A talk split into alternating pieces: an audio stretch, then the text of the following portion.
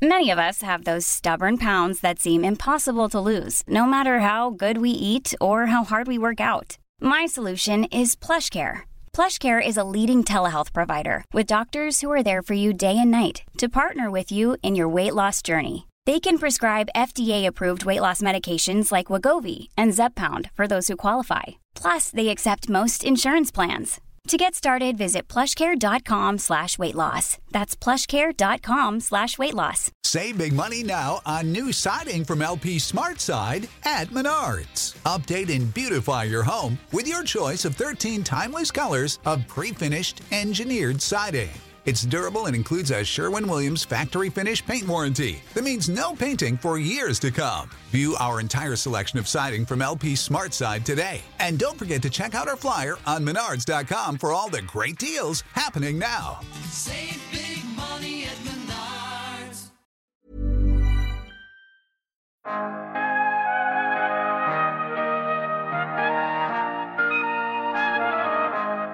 Hej och välkommen till podden Allt du behöver veta om ny teknik.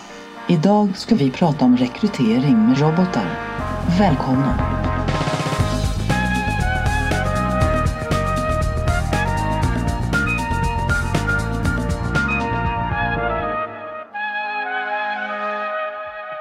Hej och välkomna till podden Allt du behöver veta om ny teknik. Jag heter Per Danielsson och är chefredaktör på Ny Teknik. Jag heter Anna Orring och är nyhetschef. Mm. I det här avsnittet ska vi ju prata om sociala intervjurobotar eh, med Elinor Öberg Mårtensson som är vd på Tengai. Anna, du, eh, i det här avsnittet så kommer du bli intervjuad av den här roboten. Ja, precis. Du kommer senare besvara på hur det känns, men en snabb reflektion redan nu.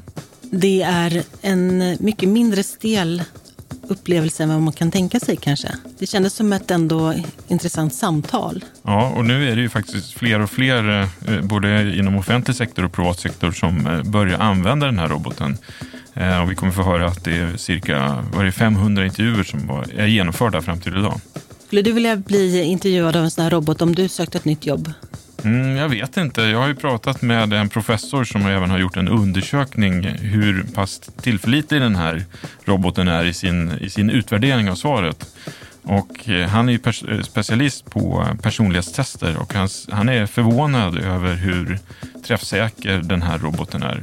Så att, ja, men jag skulle nog gärna vilja testa det. Nu tänker inte jag, jag hoppas jag att ni inte ska behöva sitta i en sån här rekryteringsintervju på länge, men eh, jag skulle gärna testa det. Jag kan också tänka att eh, om, jag, om jag tänker tillbaka på de anställningsintervjuer jag har varit på i mitt liv så det är inte alltid så att det är jättemysigt att bli intervjuad av en människa heller. Så att ibland kanske man kan föredra en robot också. Mm. Det finns ju en del fördelar som blir väldigt tydliga i det här avsnittet eh, som vi alla kommer att få höra. om.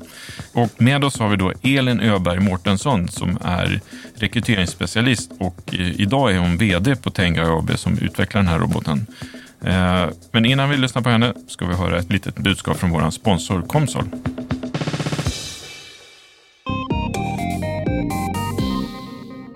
Dagens program sponsras av Comsol.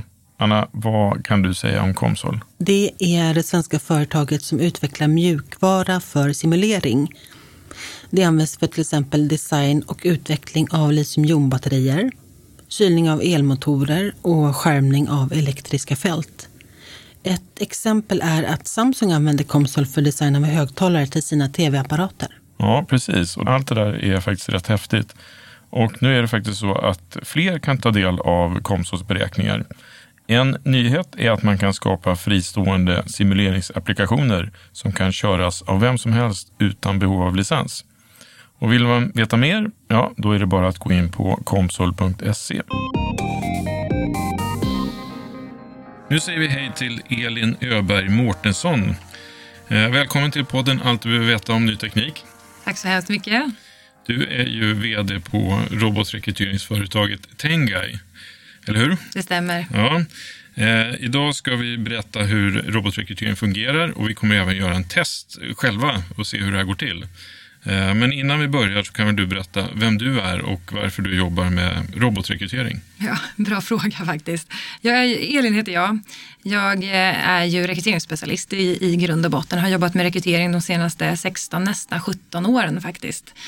Eh, och eh, har alltid haft en roll inom rekrytering där jag har drivs av att få utveckla själva rekryteringsprocessen. Rekryteringsbranschen är ju en, eller rekryteringsprocessen generellt är ju en ganska så traditionell del eh, av våra liv idag. Eh, och jag har hela tiden verkat för att vi ska kunna med ny teknik få eh, nya lösningar på att bedriva vårt arbete bättre. Jag har en bakgrund från att ha jobbat då med rekrytering, både inom stora bolag, lite mindre bolag eh, och kommer senast från ett bolag som heter TNG som jobbar med fördomsfri rekrytering. Och där har jag varit innovationschef och drivit på den här typen av, av projekt som då har resulterat i Tengai som jag nu är vd för. Mm. Vi, vi, ska också säga det att eh, på bordet här i studion så har vi roboten eh, ståendes. Står och blänger på dig där. Ja, precis. Hur, hur kommer det sig att ni då bröt loss eh, Tengai, eller att Tengai blev ett bolag helt enkelt? Ja, men vi har ju jobbat med fördomsfri rekrytering i 15 år eh, och eh, det har också fått till följd att vi har tittat på liksom den traditionella processen kontinuerligt eh, och eh, gjort ganska stora förändringar av den liksom traditionella rekryteringsprocessen. Allting ifrån att göra den mer psykometrisk och datadriven för att kunna samla KPI genom processen eh, men också tittat på hur vi kan göra den fullt, fullt, fullt objektiv. Eh, och det ledde till en punkt där vi, eh, där vi också såg att vi nu med ny teknik kan liksom trycka gränsen för vad objektivitet i, i rekryteringsprocessen faktiskt är och skjuta det subjektiva ännu, ännu längre mot slutet. Så vi började titta på olika typer av plattformar och lösningar för att egentligen digitalisera själva intervjun. Det vill säga den delen av processen som ju är mest subjektiv när två människor möts. Eh, och tittade på den delen och eh, fann också då eh, Furhat på vägen eh, till den här lösningen. Eh, vi startade upp ett samarbete tillsammans med Ferret Robotics då för nästan två år sedan nu. Eh, och på den vägen är det. Eh, det resulterade i det som står framför er här på bordet, Tengai, som är en, en fysisk robot som genomför intervjuer med kandidater helt fördomsfritt. Vi ska prata mer om hur robotar fungerar, men först kan du väl berätta då, var kommer det här namnet ifrån? Vad betyder det? Tengai. Mm. Ja, det kommer, från början så var det en kombination av TNG och AI egentligen. Eh, men det, det, är också en japansk munkhatt. Eh, och det kan ju låta lite märkligt, men det är en, en, hatt som man håller över ögonen för att man inte ska kunna se den man talar med och kunna ta bort liksom, visuella intryck och bara lyssna till rösten och kunna, eh, kunna tolka rösten på ett annat sätt. Vilka företag är det som använder Tengai idag i Sverige? Ja, vi lanserade ju den första delen av produkten tillsammans med TNG för ett år sedan ungefär. Eh, och sen dess så har vi ungefär ett tiotal kunder som, som har hoppat på den här tjänstepaketeringen där TNG säljer en, en paketerad rekryteringstjänst tillsammans med eh, robotintervjuer. Eh, och nu fr från första maj så lanserar vi nästa del, eh, nästa del av produkten som ju då är en standalone lösning. Eh, och då hoppas vi på ännu fler kunder. Hur många intervjuer har eh, roboten genomfört hittills? Till dags datum så tror jag vi har uppåt en 500 intervjuer totalt sett. Eh, både i test, testintervjuer men också i, i skarpt läge eh, till liksom riktiga jobb. Vad har Tengai för begränsningar? Begränsningar? Det finns väl inga begränsningar när det gäller teknik. Eh, nej men det är klart, jag har ju inga ben eh, och inga armar. Så det är ju väldigt viktigt att man jobbar mycket med, eh, med det visuella i ansiktet till exempel för att skapa en behaglig kandidatupplevelse. Och det är en av de delarna som vi har jobbat väldigt, väldigt mycket med. Eh, vi behöver ju ersätta det personliga mötet på något sätt med någonting som känns bekvämt och behagligt. Eh, och är det bara till exempel mjukvara eller bara teknik eh, så brukar kandidatupplevelsen gå ner en aning. Och här jobbar vi ju istället då med en 3D, 3D-metod kan man säga, där kandidatupplevelsen blir någonting helt annat. Så det har ju varit en, en utmaning att försöka tolka det mänskliga beteendet och återföra det i, i teknologi helt enkelt. Vi människor vi gör så otroligt mycket när vi konverserar vi nickar, vi bekräftar med hm ja, aha, vad trevligt och sådär. Och alla de här sakerna gör också att vi känner oss mänskliga. Det är det som är mänsklig interaktion. Och det tror jag är den största utmaningen, att försöka återskapa på ett sätt som känns naturligt. Eh, vi har ju åtskilliga beräkningar kring hur mycket man tiltar på huvudet i en intervju och hur många gånger man säger hmm och hur, hur många gånger man ler och när man ler. Hur, hur man interagerar helt enkelt. Och allting det är ju till för att skapa en så bra kandidatupplevelse som möjligt. Vi har ju eh, Tenga på bordet här framför oss, men lyssnarna ser ju inte Tengai. Vems ansikte är det som Tengai har nu? Det, det är ett neutralt ansikte och det har varit hela grund, grundtanken att det ska vara en neutral produkt som möjligt. Så att det- ska vara ett neutralt ansikte. Vi jobbade också med neutrala röster. Jag vet inte om ni har lyssnat på en neutral röst någon gång? Nej, det tror jag inte jag en- det är lite, en lite annorlunda och märklig typ av röst, nästan lite som lite freaky. Så att vi bestämde oss ganska så snabbt för att vi kan inte jobba med neutral röst utan vi behöver välja ett spår här. Eh, och då föll valet på en kvinnlig röst, en kvinnlig röst som Tengai har. Och ganska så välkänd sådan. Precis. Eh, Vilken, är- för de som inte känner till den här rösten. Eh, för de som inte känner till den här rösten så är det ju Fröken Urs röst. Exakt. Och, och varför föll valet på en kvinnlig röst och inte på en manlig röst? Det var mycket av forskningen som pekade, pekade kring att vi känner oss mer bekväma med, med kvinnliga röster helt enkelt. Plus att de flesta i Sverige känner ju till eh, Fröken Ur på något sätt. Eller det, känns, det, finns en, det finns en igenkänningsfaktor där som är viktig. Att man kan sudda ut det här som känns obekvämt i intervjun genom att man känner igen rösten. Det är ju framförallt en del i offentlig sektor som har klivit på och blivit era kunder. Eh, vad beror det på? Jag tror att eh, behovet av compliance är en viktig del. Sen är ju våra svenska kommuner ligger ju i framkant när det kommer till fördomsfri rekrytering. De är innovativa, de vågar eh, och de, de har kraven på sig att också satsa inom de här områdena. Det är ju våra, liksom, offent, vår offentliga förvalt, förvaltning eh, och det är klart att de har höga krav på sig. Eh, genom en fördomsfri intervju med Tengai så kan man ju också påvisa varför man, varför man har fått jobbet och varför man inte har fått jobbet. Någonting som, som är väldigt viktigt för dem. Vi ska säga det att det här är sprunget ur ett forskningsprojekt på KTH med Farhat, då, Farhat Robotics som är liksom grundaren utav Tengai kan man väl säga. De, de är initiativtagare till plattformen i alla fall. Initiativtaget till plattformen och eh, vi på Ny Teknik har ju följt utvecklingen så det där finns en hel del material att läsa rent tekniskt hur det fungerar. Men jag tänkte Mm. ändå att vi skulle eh, ge lyssnarna en chans att få reda på hur, hur eh, Tengai fungerar. Mm. Kan inte du kort berätta? Jo, men man eh, genomför ju då intervjuer med Tengai och det man säger i intervjun, eh, för det första så är ju intervjun helt kompetensbaserad. Den varvas med, med två olika typer av ramverk eh, och grundar sig på ett beteendevetenskapligt ramverk som heter Big Five. Och från det så ställer Tengai frågor som man svarar på. Tengai tar ju inte hänsyn, den har ju en liten kamera där i, som du kanske ser. Men den tar inte hänsyn till hur du ser ut eller vem du är eller var du kommer ifrån. Man använder kameran för att kunna följa dig i samtalet så det ska bli en naturlig interaktion med dig som kandidat. Så det kallas för face tracking då. Eh, Tengai eh, tolkar då vad du säger. Allting som du säger spelas in, omvandlas från, från röst till text som sen blir data kan man säga. Och den datan analyseras på olika sätt. Men, men är Tengai ständigt i självlärande läge? Så att ju mer eh, samtal den för, desto smartare blir den? Nej, inte i dagsläget, utan i dagsläget så är det ju en regelbaserad version som vi använder som bygger på, eh, bygger på hur man svarar. Att det finns givna regler för det eh, och det finns givna regler för de svaren kopplad till beteendevetenskapen.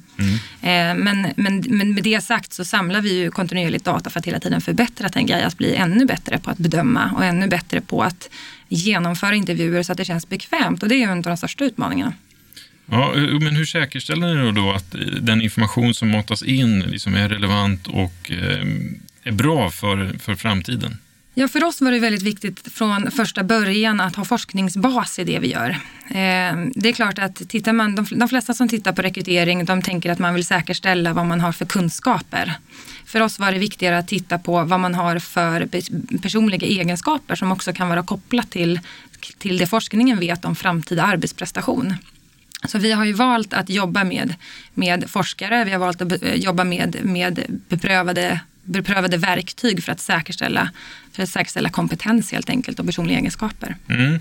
Det finns ju ett berömt fall i amerikanska Amazon som också hade någon form av AI-rekryteringsverktyg där då den, eh, jag kan vi kalla det för mjukvarurobot var det ju, som eh, matades in med massor med gamla ansökningar som visade sig då att det var baserat på män och därför blev kvinnliga sökande diskriminerade.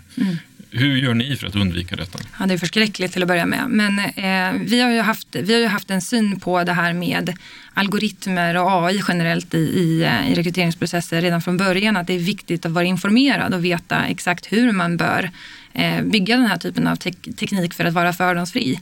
Eh, och vi, vi, hade ju den infallsvinkeln redan från början. Inte att vi ville bara effektivisera saker utan vi ville göra en process som blev fördomsfri. Eh, och med det sagt så, eh, så var det viktigt för oss att titta på vilka typer av datasätt vi använder som, som, eh, som inputdata egentligen till algoritmen. Eh, och där använder vi inte någon till exempel historisk data på något sätt. Vi tar inte in vilken ålder man har eller vilket kön man har eller, eller hur man ser ut eller var man kommer ifrån utan bara det enda som behandlas är beteendevetenskaplig data, det vill säga vilka beteenden har vi? Eh, och de är ju könsneutrala. Mm. Innan vi går vidare då med att Anna ska få genomföra en liveintervju med Tengai så tänkte jag ställa två frågor. Och det ena är, vad, vad kostar det ifall jag vill köpa Tengai själv? Ja, den kommer ju snart ut på marknaden så att eh, det kommer bara bli varse om. Men den kommer, utgångspriset kommer ligga runt 30 000 kronor per robot. Och är det en den, han eller hon? Vi får väl kalla det för hen, men rösten är ju en kvinnlig röst. Mm. Bra, då ska vi se hur det här fungerar. Välkommen, mitt namn är Tengai. Jag är glad att du är här. Jag är anställd av TNG och här jobbar vi med fördomsfri rekrytering och bemanning. Och personligen är jag expert på fördomsfria intervjuer. Jag antar att det är en lite ovanlig situation. Har du blivit intervjuad av en robot tidigare? Nej, det är första gången. Innan vi går vidare vill jag också säga att jag är utvecklad för att vara expert på intervjuer och att ställa frågor, inte att besvara dem. Så har du till exempel frågor om jobbet får du spara dem till lite senare, tills du kan prata med ansvarig rekryterare. Jag kommer fråga dig om vad som hände, vad du gjorde och hur det gick. Vår intervju idag kommer att bestå av så kallade kompetensbaserade intervjufrågor. Och jag vill då att du berättar om ett exempel på en tidigare situation eller händelse som du själv varit med om. Det kan vara från ett tidigare jobb, en praktikplats eller från skolan. Det blir bra. Jag vill att du utgår från dig själv och pratar utifrån ett jag-perspektiv. Alltså att du berättar om hur just du upplevde situationen. Okej, det här var mycket info på en gång. Och nu har jag pratat länge. Men du är ju här för att jag vill veta mer om dig. Så vad säger du? Ska vi köra igång? Ja, vi börjar nu. Min första fråga handlar om service. Jag skulle vilja att du berättar vad du tycker är bra service. Då skulle jag nog säga att det är eh, en tjänst som tänker på den som är mottagare i första hand. Nu vänder vi på frågan.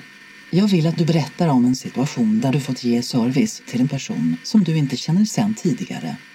På eh, den här tidningen, Ny Teknik, där vi jobbar, där får vi, har vi väldigt mycket läsarkontakter och många hör av sig till oss. Och eh, ibland med saker som eh, liksom är i vårt område, ibland inte.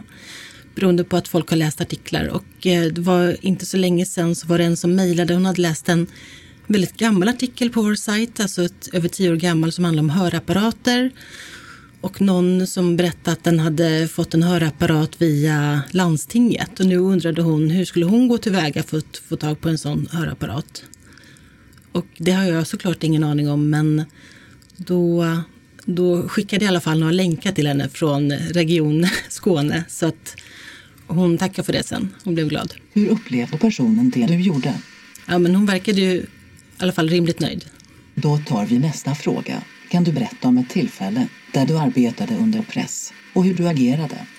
Alltså mitt eh, värsta exempel var från precis när jag började mitt jobbliv som eh, ung 19 eller 20-åring. Och det var innan jag var journalist och jag jobbade på en restaurang och skulle börja där som kallskänka och det fanns en, eh, alltså en kock, en köksmästare där. Och så kom jag dit första dagen och eh, då meddelade han att han slutar med omedelbar verkan och stack därifrån. Och eh, det var ett helt en, alltså ett konferensställe. Så att jag skulle liksom langa fram konferenslunch till 100 pers. Det var lite svettigt. Hur kändes det? Alltså när man är 20 så gör man ju saker ändå på ett annat sätt. Man liksom kastas in i det. Så att jag ringde en kompis som fick komma och hjälpa mig och så ordnade vi det. Har liknande situationer uppstått igen? Inte på riktigt samma sätt, men ofta har jag faktiskt eh, även i, som journalist tänkt tillbaka på tillfällen när jag jobbat bland annat på restauranger då, att man ska klara av något nytt eller få fram något liksom stort, någon meny eller stort sällskap med massor med krav och då då har jag ändå kommit på en metod i att man alltid börjar i ena, ena änden. Man börjar med det lilla, liksom. vad kan jag? Och så betar man av sak för sak metodiskt istället för att tänka på det stora hela. Utan man tar en liten grej i taget och så eh, till slut har man alltihop. Och det kan man applicera även i andra jobb. Jaha, okej. Okay. Tack. Vet du vad? Nu är du klara med alla mina frågor. Bra jobbat. Innan du går härifrån vill jag avsluta genom att berätta vad som kommer att hända nu och vad nästa steg i rekryteringsprocessen är. Det är alltså rekryteraren på TNG som bestämmer vem som passar bäst för jobbet. Så det är inte jag som tar beslutet. Inte än i alla fall. Så snart det är bestämt vilka sökande som går vidare till nästa steg i rekryteringsprocessen så kommer du få svar oavsett om du tillhör dem som går vidare eller inte. Hur låter det? Jag tycker det låter bra. Bra. Då är vi färdiga och vi kan avsluta vår intervju. Mother's Day is around the corner. Find the perfect gift for the mom in your life with a stunning piece of jewelry from Blue Nile. From timeless pearls to dazzling gemstones, Blue Nile has something she'll adore. Need it fast? Most items can ship overnight. Plus, enjoy guaranteed free shipping and returns. Don't miss our special Mother's Day deals. Save big on the season's most beautiful trends. For a limited time, get up to 50% off by going to Bluenile.com. That's Bluenile.com. If you're struggling to lose weight, you've probably heard about weight loss medications like Wigovi or Zepbound, and you might be wondering if they're right for you. Meet PlushCare a leading telehealth provider with doctors who are there for you day and night to partner with you in your weight loss journey. If you qualify, they can safely prescribe you medication from the comfort of your own home. To get started, visit plushcare.com slash weight loss. That's plushcare.com slash weight loss. plushcare.com slash weight loss.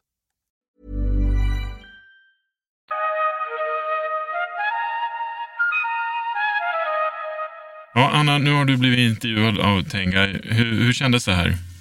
Det var ändå förvånansvärt eh, bra tyckte jag. Man får en kontakt med den här roboten via då ansiktet som eh, ger uttryck för känslor och reaktioner och rösten också.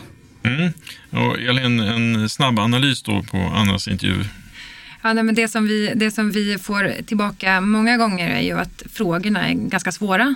Eh, man behöver lite förberedelse för att kunna svara på dem. De är rätt kniviga. Eh, och eh, jag tycker att Anna hanterade det otroligt, otroligt väl. Man ska ju beskriva som sagt en situation och försöka hitta den situationen och, och hitta någonting konkret att beskriva som, som beskriver ens beteende. Det är ganska tufft.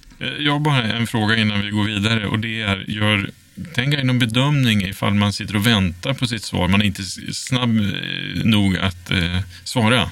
Nej, till skillnad från rekryterare så är hon ju väldigt tålmodig och hjälper den inte så mycket på traven. det hon kan känna av är om det tar lite lång tid så kan hon fråga, ställa frågan att ja, men behöver du lite mer tid att fundera? Vill du att jag formulerar om frågan? Och så vidare. Får jag jobbet förresten? Ja, men jobbet här på Ny Teknik är ditt, Anna. Tack. Mm, härligt, bra. Då kör vi vidare.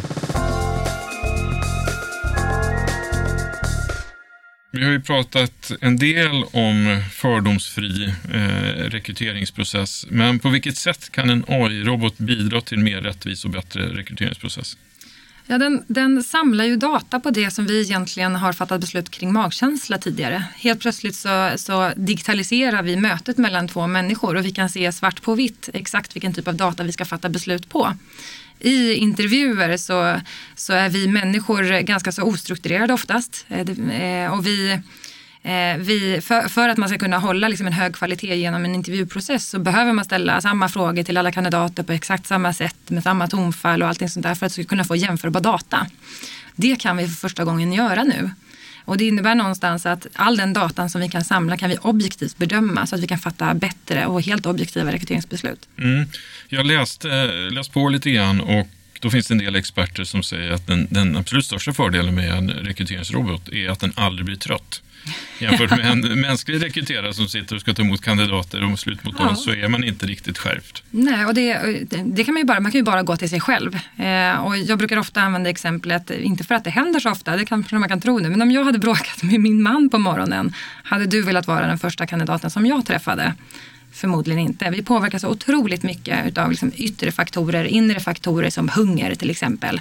Vi vet att vi fattar bättre beslut strax efter lunch än vi gör innan lunch. Och det är många sådana faktorer som, som påverkar oss hela tiden. Eh, det finns massor med saker som vi gör omedvetet eh, som påverkar liksom vårt, vårt beslut och vår förmåga att vara objektiva. Mm. HR är ju en traditionell bransch som kanske inte har förändrats lika mycket som många andra branscher i digitaliseringens tid. Eh, hur tror du att AI kommer förändra rekrytering och delar av eh, det traditionella HR-arbetet?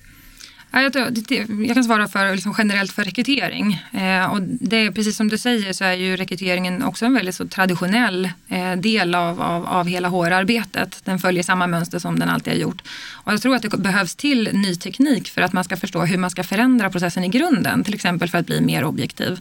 Eh, de som har möjlighet att kunna använda sig av Tengai nu till exempel får ju möjlighet att ha en fast lane till att göra rätt.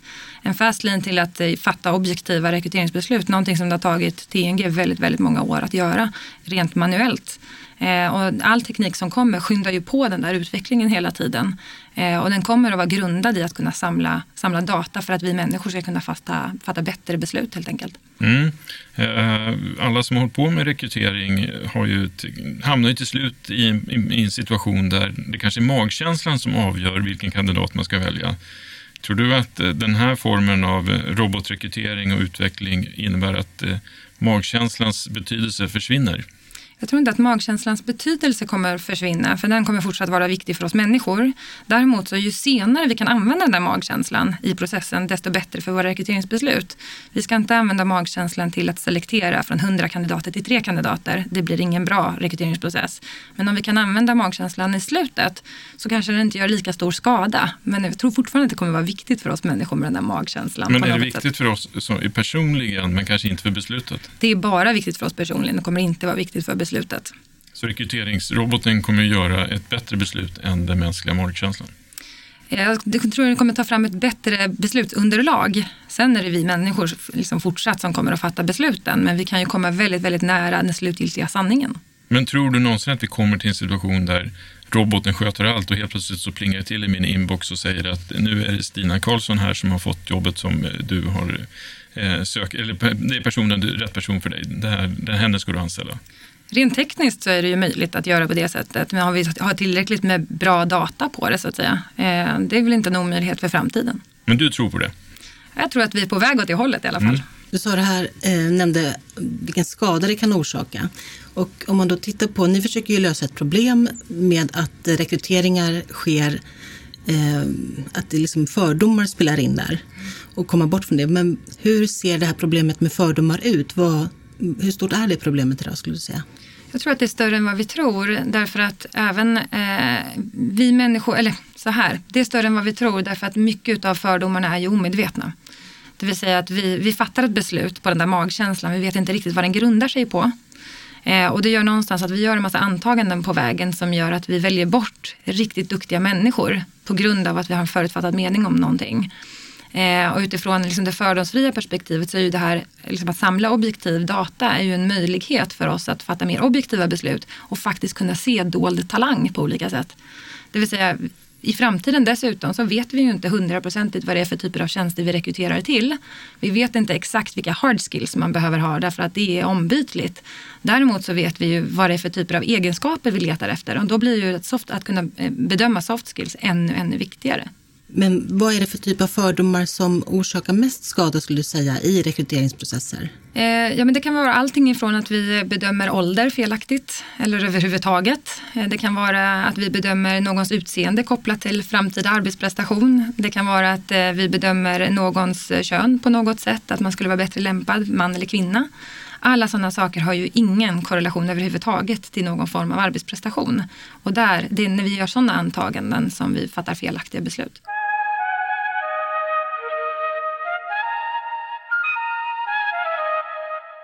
Företag då som använder Tengai, hur kommer deras rekryteringsprocesser att förändras? Jättebra fråga. Jag tror att man behöver se över hela sin rekryteringsprocess. Och det, här är ju en, det här är ju en teknologi som också utmanar till att göra det. Eh, om vi, bara, vi brukar använda jämförelsen att om man stoppar i en Porsche-motor i en gammal Amazon så visst, Porsche-motorn kommer att göra sitt jobb men frågan är om det håller ihop. Eh, och det är precis den liksom jämförelsen som kan bli viktig här. Att om vi tror att vi ska kunna applicera helt ny teknik på en väldigt, väldigt traditionell och befintlig process så är det inte säkert att det blir rätt. Utan jag tror att man måste tänka om hur man ser på själva rekryteringsprocessen. Det finns ju då experter som menar att gallringen och matchningen eh, utifrån bakgrund och kvalifikationer avgörs av en AI-rekryterare, till exempel som Tengai då. Och att eh, det inte blir en chefen som får slutordet utan mer kanske en, den, det team eller den grupp som den här personen ska arbeta i. Hur ser du på det? Jag tycker att det är en intressant eh, tanke. Jag tycker att det finns en fara i det. Och det är att vi, eh, att vi slussar ännu mer fördomar in där. Vi vet ju att vi gärna väljer de som är lika oss själva. Vi kommer skapa väldigt homogena grupper och det är ju negativt för vår innovationskraft, för vår produktivitet och för vår effektivitet. Så jag tror att det finns en fara i det eh, om det är så att man inte har tillräcklig kunskap i att kunna fatta de besluten. Vad är det för något som HR-avdelningar eh, behöver liksom lära sig eller ställa om om de ska gå över till mer AI-baserad rekrytering? Jag tror att man behöver tänka om att det inte är vi eh, som, som genomförare som blir viktiga utan det är vi som övervakare som är viktiga. Det vill säga att vi kan övervaka data och låta, låta data och teknologi göra vårt jobb bättre. Eh, det kan effektivisera saker som maskiner faktiskt gör avsevärt mycket bättre än oss. Det kan skapa underlag för oss så att vi kan fatta fler och bättre beslut. Eh, så att övervaka istället för att utföra. Det låter lite som att eh, många som arbetar med rekrytering på till exempel stora, stora företag, att det kommer krävas ny kompetens på dem delarna? Jag tror att mycket av den kompetensen faktiskt redan finns. Eh, förmågan att göra personbedömningar som du ju här, det här ju faktiskt eh, tar bort i så fall. Eh, den förmågan liksom är väldigt begränsad hos oss människor. Däremot så är rekryterare otroligt bra på att slussa kandidater, hjälpa kandidater genom processen, få alla känna sig bekväma och välkomna och allting sånt. Däremellan så kan vi använda teknik för att göra det ännu mer effektivt så att säga. Så Tengai kommer inte stjäla jobben för rekryterarna? Nej, det, nej det, det, det tror jag absolut inte. Eh, och jag menar, vi använder ju Tengai idag eh, och eh, Tengai har än, än så länge inte stulit några jobb och kommer, har inte för avsikt att göra heller utan det handlar ju snarare om att kunna hjälpa rekryterare att göra deras arbete bättre och lägga sin tid på kanske den an, största anledningen till att man valde rekryteringsyrket från första början, därför att man gillar människor. En sak som jag funderar på när jag står och stirrar på um, roboten här är ju varför måste det vara en hårdvara? Varför skulle du inte bara kunna slänga upp det här på en tv-skärm och, och bli en mjukvarurobot istället? Mm, det händer någonting med oss när vi har känslan av att någon är med i rummet. Det händer också någonting med oss när vi sitter på ett visst avstånd med någon. Eh, och det händer någonting med oss när vi uppfattar saker i 3D versus i plattformat.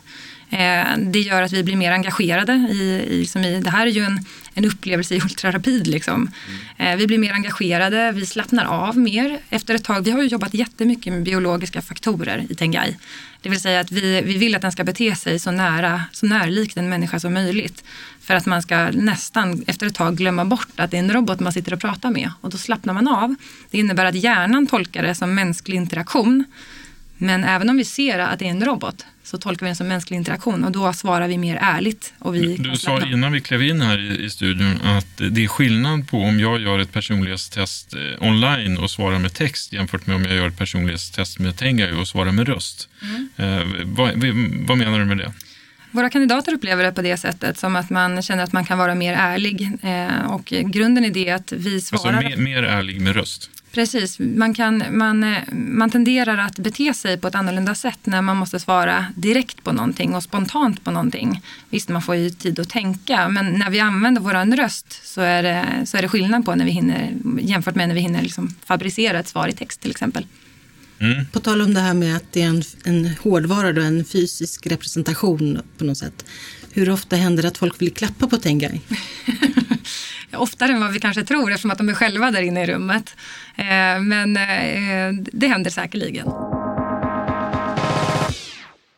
Om vi tittar lite framåt, då, vad är nästa version och hur, ser det ut om fem år? Vad, vad gör den här roboten då? Mm.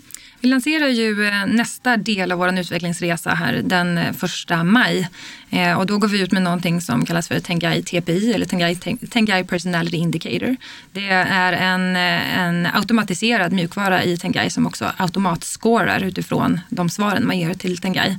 Som då ganska så snabbt kan ta en större volym av kandidater till en mindre volym av kandidater. Det är nästa steg. Mm. Nästa steg för oss. Och parallellt med det så fortsätter vi. Vi genomförde ju precis en validitetsstudie av, av Tengai. Eh, och det är vår plan att fortsätta på den banan. Eh, vi har hela, hela tiden haft det som strategi att vi ska ha forskningen med oss. Eh, och vi genomför också studier på liksom, upplevelse och jämförelsestudier och så vidare. Så att det, det kommer ligga i vår pipeline. Kommer Tengai få en armar, ben, kropp? Jag tror nog inte det. Ibland så pratar vi om det lite skämtsamt, men nej, Tengai kommer nog inte få armar och ben. Ja, stort tack Elin för att du kom till podden Allt du behöver veta om ny teknik. Vi kommer följa, fortsätta följa er och eh, Förhet. Tack så mycket. Tack för att vi fick komma.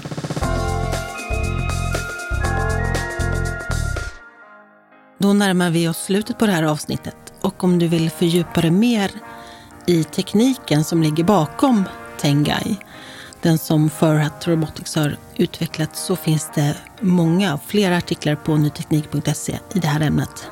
Vi kan också säga det att eh, vill man fördjupa sig mer i rekryteringsfrågor så har vi vår systertidning eh, Personal och ledarskap som man gärna kan besöka. Eh, vi passar på att tacka dagens huvudsponsor Comsol. Alla avsnitt och bonusklipp finns som vanligt på Acast, Spotify, iTunes och givetvis på nyteknik.se. Klicka gärna på prenumerera. Det är många som gör det. Då missar du inget avsnitt. Om du har några synpunkter på innehållet eller tips på ämnen och sånt vi ska prata om eller intressanta personer som du tycker att vi ska intervjua så mejla till redaktionen nyteknik.se. Jag heter Anna Orring. Och jag heter Per Danielsson. Tack för att du lyssnade. Hej då! Hej då!